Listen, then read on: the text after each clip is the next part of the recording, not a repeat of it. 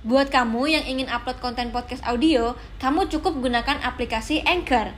Aplikasi gratis yang bisa kamu download di App Store dan Play Store. Anchor akan mempermudah mendistribusikan podcast kamu ke Spotify. Ayo, download Anchor sekarang juga untuk membuat podcast show kamu. Pas mau masuk ke kompleknya itu kan pintu gerbangnya kan biasaan banyak opang. Iya. Saya di stop di situ. Abang, mohon maaf, saya hanya nganter eh, paket. Saya dikalungin senjata tajam. Pak Mul, Halo. Wede, ini driver ojol pertama di Indonesia nih. Lihat tuh, ini aja 001. Wede, ini jaket Gojek pertama ya, Pak. Ya, betul. Berarti Bapak nomor satu tuh berarti gimana Pak ceritanya? Bapak dulu katanya untuk eh, ojek pengkolan ya kalau nggak salah. Betul banget ojek pengkolan. Tujuh tahun, terus kemudian ada satu sosok yang datang ke Bapak. Yes. Kayak gimana sih ceritanya Pak?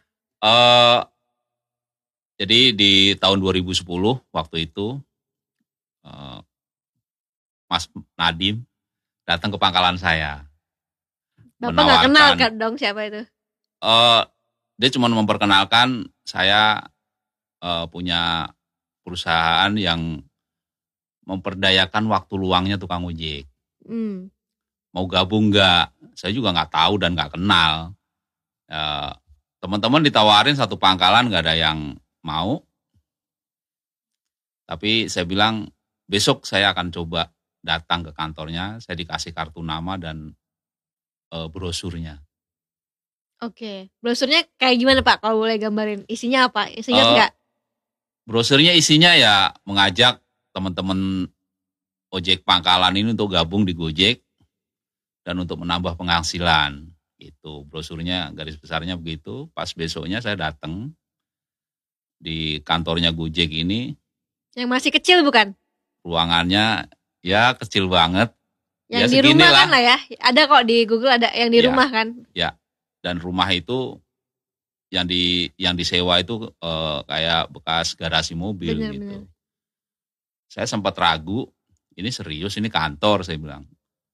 Eh, dalam hati saya ngucap begitu, tapi saya nekat saya ketok pintunya dan saya diterima dengan baik sama karyawannya Gojek.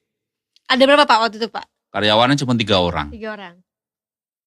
Saya bilang kan, saya, saya pikir ini perusahaan kira-kira maju apa enggak ini dengan karyawan tiga orang, karya eh, apa kantornya segini kecilnya. Tapi waktu itu udah niat, ya udah saya gabung karena persyaratannya sangat mudah, Mm-mm. cuman ngasih KTP, SIM, STNK, udah. Itu doang, Oke. Akhirnya bergabung. bergabung. Berarti kalau Pak Nadiem melihat Bapak kenal dong ya berarti ya? Ya Harusnya kenal ya? kenal banget sampai saat ini. Ya kalau dibilang biar kata udah jadi menteri juga masih ada eh, komunikasi saya dengan beliau. Mantap. Dan ini Bapak juga bisa menjadi saksi mata bagaimana Gojek eh, karya anak bangsa berkembang 12 tahun ya berarti ya, Ya. sampai sekarang dari yang nol banget sampai sekarang udah luar biasa kerennya ya. Betul banget. Oke. Nah setelah itu eh, waktu kalau sekarang kan mungkin kita sudah dimudahkan ya dengan bagaimana teknologi itu bekerja dengan baik antara pelanggan dan juga driver. Tapi dulu kan pasti awal-awal bapak eh, bing kebingungan dong. Ini kan teknologi kan ya. Nah itu gimana pak? Ya. Awalnya. Kalau dulu kita di Opang ini malah sulit. Sulitnya karena setiap orderan kan titik penjemputannya udah jauh banget. Pengantarannya juga lumayan jauh. Dulu belum ada Google Map. Jadi emang benar-benar kita ini harus paham wilayah dan paham lokasi. Itu. Oke. Dulu gimana pak cara? Maksudnya kalau sekarang kan mungkin kita by aplikasi semua ya. Ya. Kalau dulu kalau nggak salah by phone ya kalau nggak salah ya. Jadi dulu itu di Gojek itu ada eh, call centernya. Setiap kita ditawarkan order, call center selalu menelpon kita Hmm. dengan bahasa bakunya. Selamat siang, selamat pagi Pak Mul, bisa minta tolong ambil orderan ini. Hmm. Nah, kalau kita siap ambil orderan tersebut, langsung masuk SMS. SMS tuh ya. dulu? Ya, alamat penjemputan dan alamat pengantaran. Hmm. Nah, begitu. Jadi eh, kita ditelepon dulu, setelah ditelepon baru SMS tersebut masuk. Oke. Oke, dulu berarti tapi masih jadi opang juga dong ya berarti ya? Ya. Itu cuman side job lah kira-kira ya. Betul. Untuk Oh, menambah Untuk penghasilan. penghasilan. Ketambah nggak penghasilannya? Pasti ketambah. Pasti ketambah. Tapi dulu karena mungkin penggunanya masih dikit dan jauh-jauh ya kalau nggak Ya. salah ya. Berarti akan Bapak tuh kata tadi 20 orang ya? Ya. Itu Bapak kenal semua atau gimana tuh? Kenal semua dan masih berhubungan baik. Eh, kita buat satu grup. Pernah ini nggak Pak? Maksudnya eh, mungkin dari Gojeknya minta Bapak untuk ngajak teman-teman yang lain? Oh iya, itu oh, zaman kita dulu itu setiap kita menjalankan order selalu dibekali brosur sama kartu namanya Gojek. Oh iya? Iya. Jadi kalau kita nganter eh, paket atau bawa customer ke suatu tempat, itu selalu kita kasih brosur sama kartu namanya Gojek biar semakin cepat dikenal. Wah isinya. memang ya. Oke, berarti eh, setelah itu 2010 Kemudian aku baru ada Gojek itu sebenarnya 2014 tuh udah lama. 2010 kita di Ciasem, apa di Kerinci, eh, belakang pasar Mestik tuh. Mm-mm. Nah setelah dari situ sampai 2011, 2011 akhir pindah ke Ciasem, dekat gereja Santa situ. Masih dari situ lah ya. Eh, Walter Mongin Sidi. Iya iya iya. Nah pindah ke situ, udah mulai agak ada peningkatan itu ordernya. Gimana gimana peningkatannya? Berasanya Ah. seperti apa? Drivernya semakin banyak, Hmm?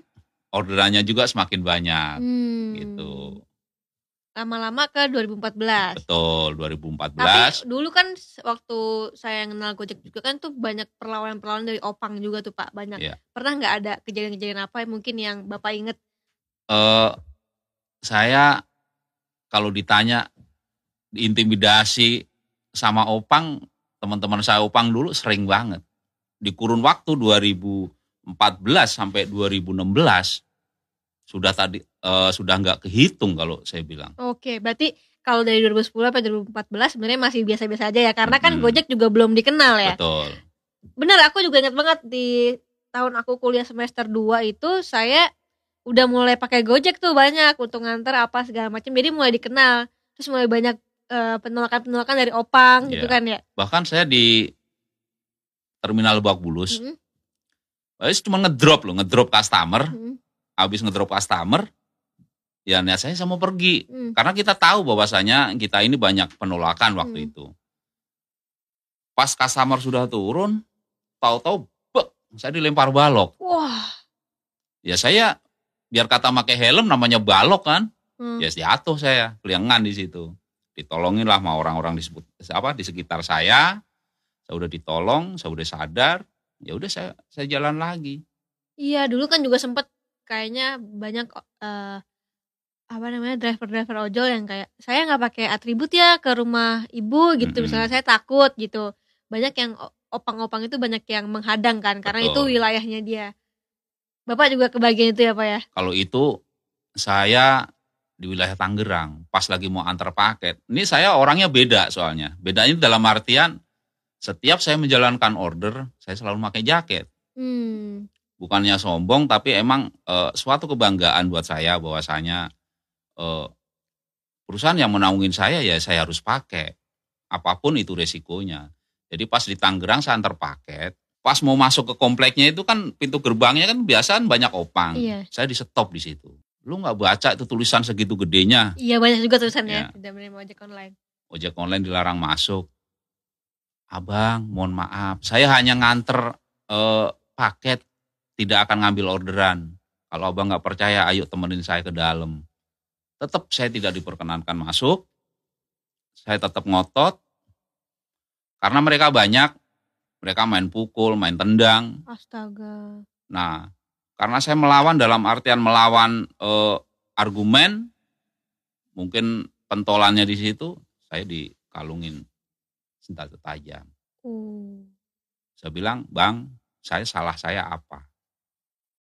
Kalaupun saya dengan mencari kayak begini, mencari sesuap makan buat makan saya sampai segininya, saya salah, saya ini apa?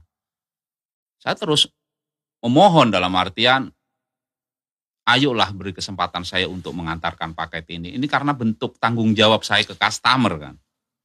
Tapi tetap mereka nggak mengerti, eh, udah main otot-ototan saya dikeroyok, yang ditendang, dipukul, puncaknya saya dikalungin senjata tajam tersebut.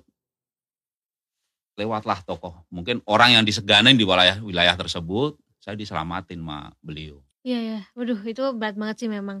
Tapi kan lama-kelamaan itu kan berkurang juga ya. Akhirnya Ya. banyak opang-opang yang akhirnya menjadi ojol juga ya. Betul. Bapak juga kalau nggak salah juga mengedukasi mereka juga ya, teman-teman Bapak juga gitu. Iya.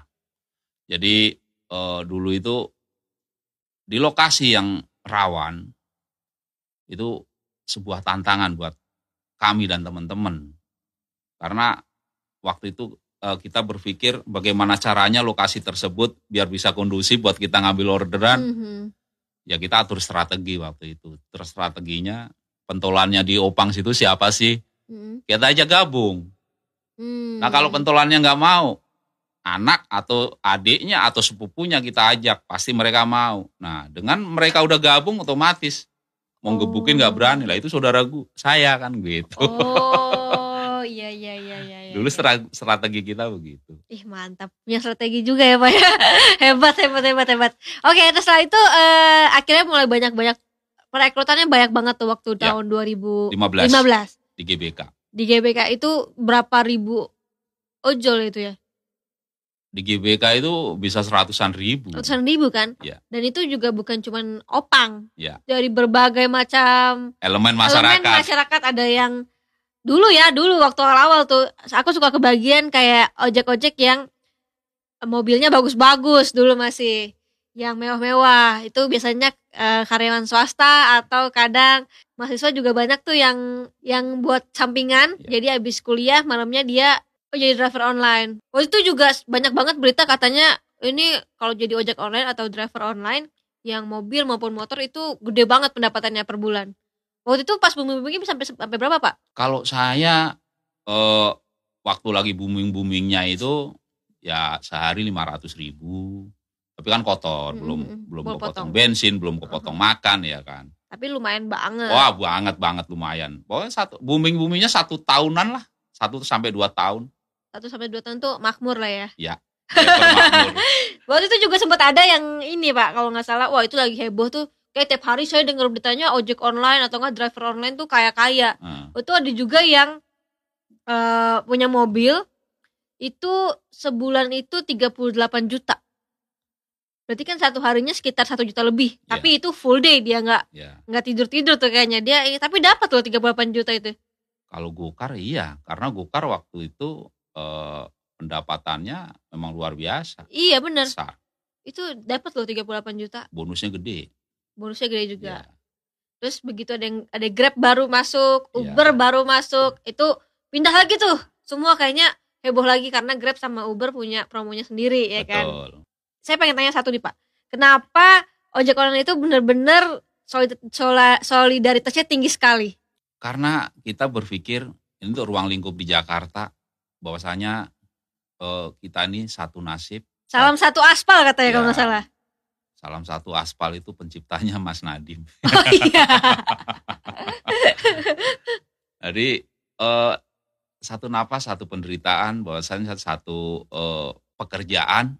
Jadi setiap mana ada teman-teman kita yang mengalami laka lantas ataupun meninggal, ya kita kasih penghormatan terakhirnya dengan eh, konvoy yang terpenting, jangan anarki, konvoy yang kondusif itu sih. ya, tapi saya juga kayak eh, seneng gitu. Karena kan bisa dibilang bahwa kalian itu kan sebenarnya kompetitif ya. Sama-sama sama-sama uh, cari nafkahnya dengan yang sama terus berjuangnya sama gitu. Jadi kompetitif kan harusnya. Tapi semuanya itu bisa benar-benar solidaritas. Kalau ada yang satu sakit atau satu mungkin diapain sama orang itu langsung semuanya maju hijau-hijau semua maju Hijauin. hijauin itu kalau ada sesuatu langsung di broadcast ya pak ya Jadi eh, setiap ada kejadian, kejadian apa pun itu naik di grup WA, hitungan eh, setengah jam pasti udah hijau. Hitungan setengah jam. hebat sih Biar kata kami ini dan teman-teman beda beda eh, aplikasi, beda jaket, tapi di saat kita menyuarakan iya itu sih sama. saya sih acungin jempol sih. Jadi gak, bi- gak bisa macam-macam juga nih sama sama driver online tapi itu keren sih pak. Dan saya juga senang karena eh, mungkin kan juga kalau driver online atau juga kan banyak juga yang sudah mungkin udah 40 ke atas yang memang mungkin kemarin sebelum 2010 udah nggak ada harapan lagi gitu kan. Iya. tapi dengan adanya aplikasi ini atau teknologi anak bangsa bisa eh, mulai hidup baru lagi terus juga belajar banyak gitu dulu berarti diajarin dari nol pak ya bagaimana pakai aplikasinya segala macam Wah, saya bingung. Wah berat berat berat berat. berat. Terus terang eh, bahwasanya kami ini kan emang basic opang, Hmm. eh, minim teknologi. Pas pindah ke aplikasi, handphone kita dikasih sama Gojek. Awal-awal itu kan kita dikasih yang angkatan pertama. Hmm. Bagaimana cara ngambil ordernya, ya kan? Bagaimana cara menjalankannya. Eh, iya, kita dikasih arahan sama Gojek seharian tuh. Tapi kan kita teori, Iya. prakteknya kan kita Susah. beda. Aduh, jadi seminggu itu. Saya belajar itu seminggu, itu pun juga minta diajarin anak. Hal yang baru emang proses, karena sewaktu di Opang, saya ini namanya masuk ke gedung, naik ke lift, seumur-umur nggak pernah. Karena kan kami Opang ini hanya mengantarkan customer nyampe gedung ya selesai. Iya. Nggak pernah. Nggak pernah barang, masuk kan. kita ngantar paket. Bahkan pernah saya eh, awal-awal bawa orderan ngantar paket suruh naik ke lantai 29. Saya naik lift, saya mau masuk ke lift, itu sepatu saya copot. Karena saya nggak tahu. Saya copot ya saya taruh.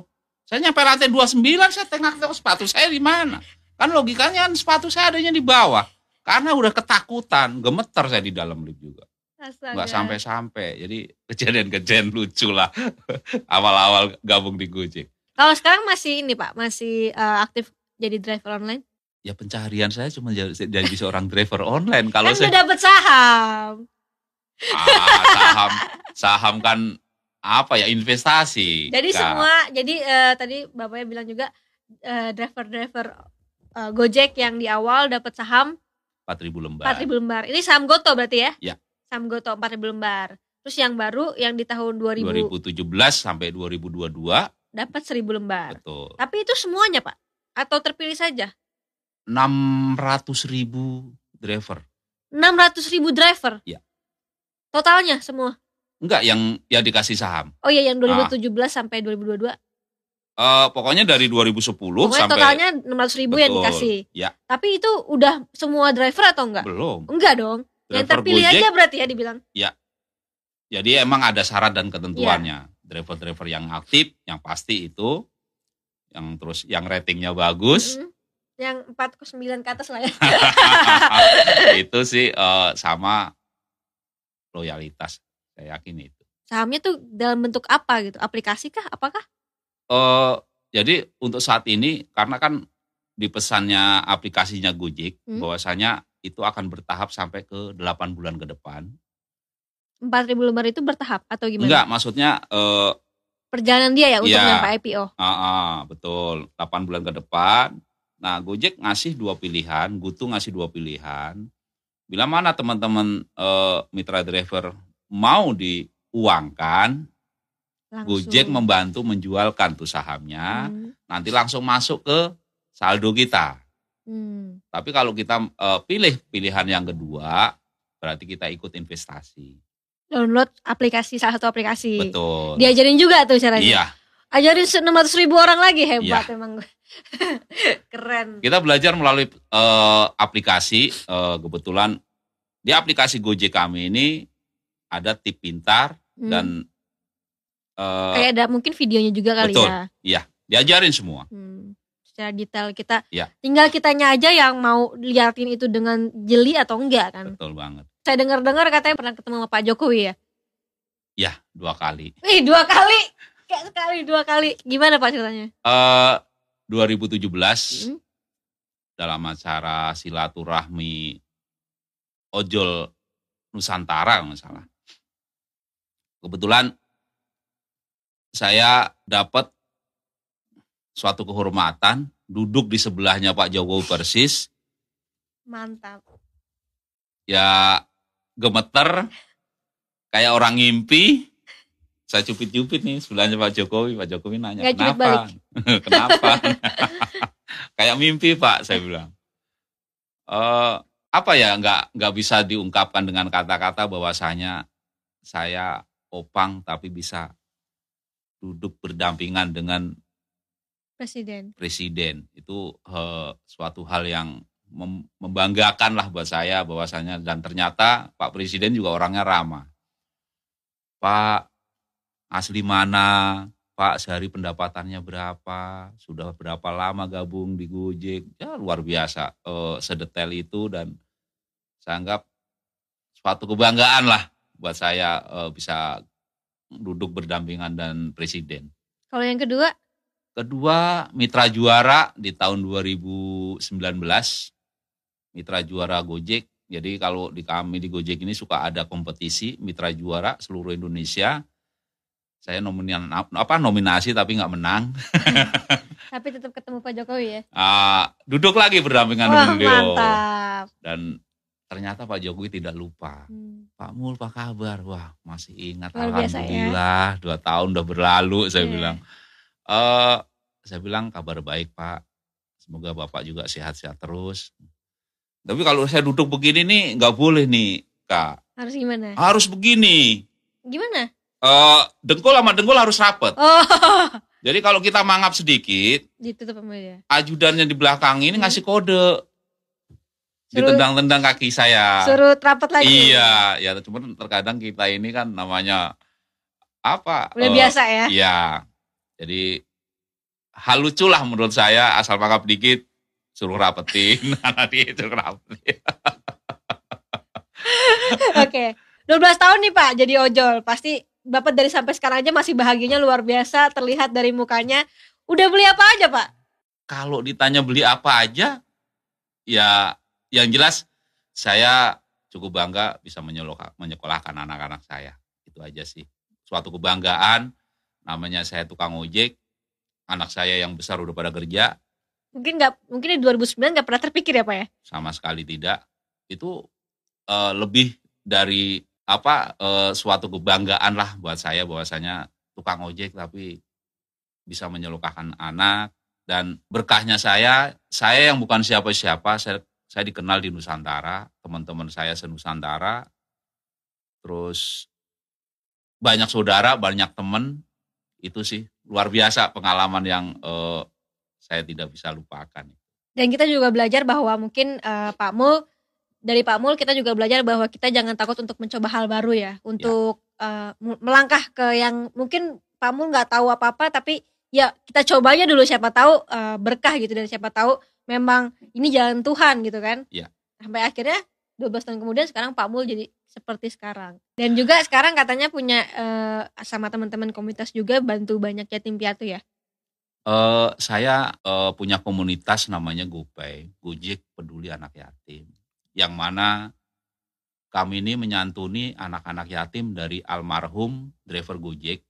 Mhm. Data kami di bulan Maret, data kami di bulan Maret ini seribu anak yatim. Seribu anak yatim yang tersebar di Jabotabek. Jabotabek aja tuh Iya. berarti ya. GoPay kami juga ada di daerah. Mhm. eh, Maksudnya yang seribu berarti di Jabotabek aja Iya, tuh ya. betul. Mhm. eh, Jabotabek aja itu semua anak-anak dari almarhum driver Gojek. Nah, sumber dana kita kita menitipkan kotak-kotak donasi di base camp base camp teman-teman Gojek di Jabotabek. Wih. Ini siapa Pak yang nyetusin Pak? Ide awalnya kejadian kecelakaan di eh, teman kami di warung buncit. Driver beserta istrinya yang lagi hamil dan anaknya umur waktu itu 6 tahun ditabrak kopaja di warung buncit. Driver meninggal, istri meninggal, anaknya hidup. Wah. Nah, setelah prosesi pemakaman eh, sahabat kami dan istrinya, ini anak yatim piatu. Siapa menjadi tulang punggungnya? Nah, kami terbesit, yuk kita muliakan anak ini. Jadi setiap hari gantian ini teman-teman kami ini. Hari ini saya, besok teman kami yang nengokin, ngasih makan. Nah alhamdulillah anak ini sekarang udah diambil anak asuh ama orang yang berada, yang berkecukupan, dan udah sekolah, sekarang udah SMP kelas 3. Wih. Uh, jadi dari situ mulailah ada niatan baik, yuk kita muliakan anak-anak yatim. 2015 sampai sekarang berarti udah berjalan tujuh tahun GoPay. Kita rutin menyantuni anak yatim dari almarhum driver setiap sebulan sekali. Wih mantap. Itu uh, keren sih Pak. Maksudnya dalam arti kan juga uh, uangnya kan ada terus ya nggak tahu dari ya. mana ada aja terus kan karena kita uh, mau memuliakan orang gitu. Terkadang kalau saya bilang mujizat. Mujizat kan? Mujizatnya itu begini. Kami ini pendistribusian apa pendistribusian santunan setiap tanggal 1. Terkadang tanggal 25 masih nol. Baru dapat separuh. Tapi pas mendekati hari hanya, itu transferan masuk dari mana aja. Ya itu yang namanya saya bilang kalau kita memang niatnya baik pasti semua dilancarkan. Ya. Mau dari mana kita juga nggak tahu tiba-tiba ada aja itu uang. Siap. Sedihnya itu kalau anak yatim kita WA. Ayah bulan ini kita nggak dapat santunan ya. Hmm. Udah nangis itu saya. Ya Allah, tolong denger anak-anak kami. Uh, jadi sering kita mulur uh, satu minggu, dua minggu demi uh, untuk mencukupi santunan. Karena emang murni bahwasanya kami mendapatkan santunan itu dari teman-teman driver-driver juga. Nggak ada donatur. Uh, ada beberapa donatur tetap kita, tapi karena kebutuhan anak yatim kita banyak, seribu. Dan satu anak ini kalau mencapai target, dana kita cukup, memang per anak 150 ribu. Per bulan 150 ribu? Ya. Berarti kalau kali seribu 100 juta ya? 150 juta? Ya. Dan itu tercukupi terus ya Pak? Oh, ada sedikit yang enggak tapi mostly tercukupi berarti Pak? Ya. Uh, dua tahun, tiga tahun inilah kita nggak pernah mencapai target. Karena jadi, pandemi juga. Betul. Jadi per anak kita kasih 100 ribu.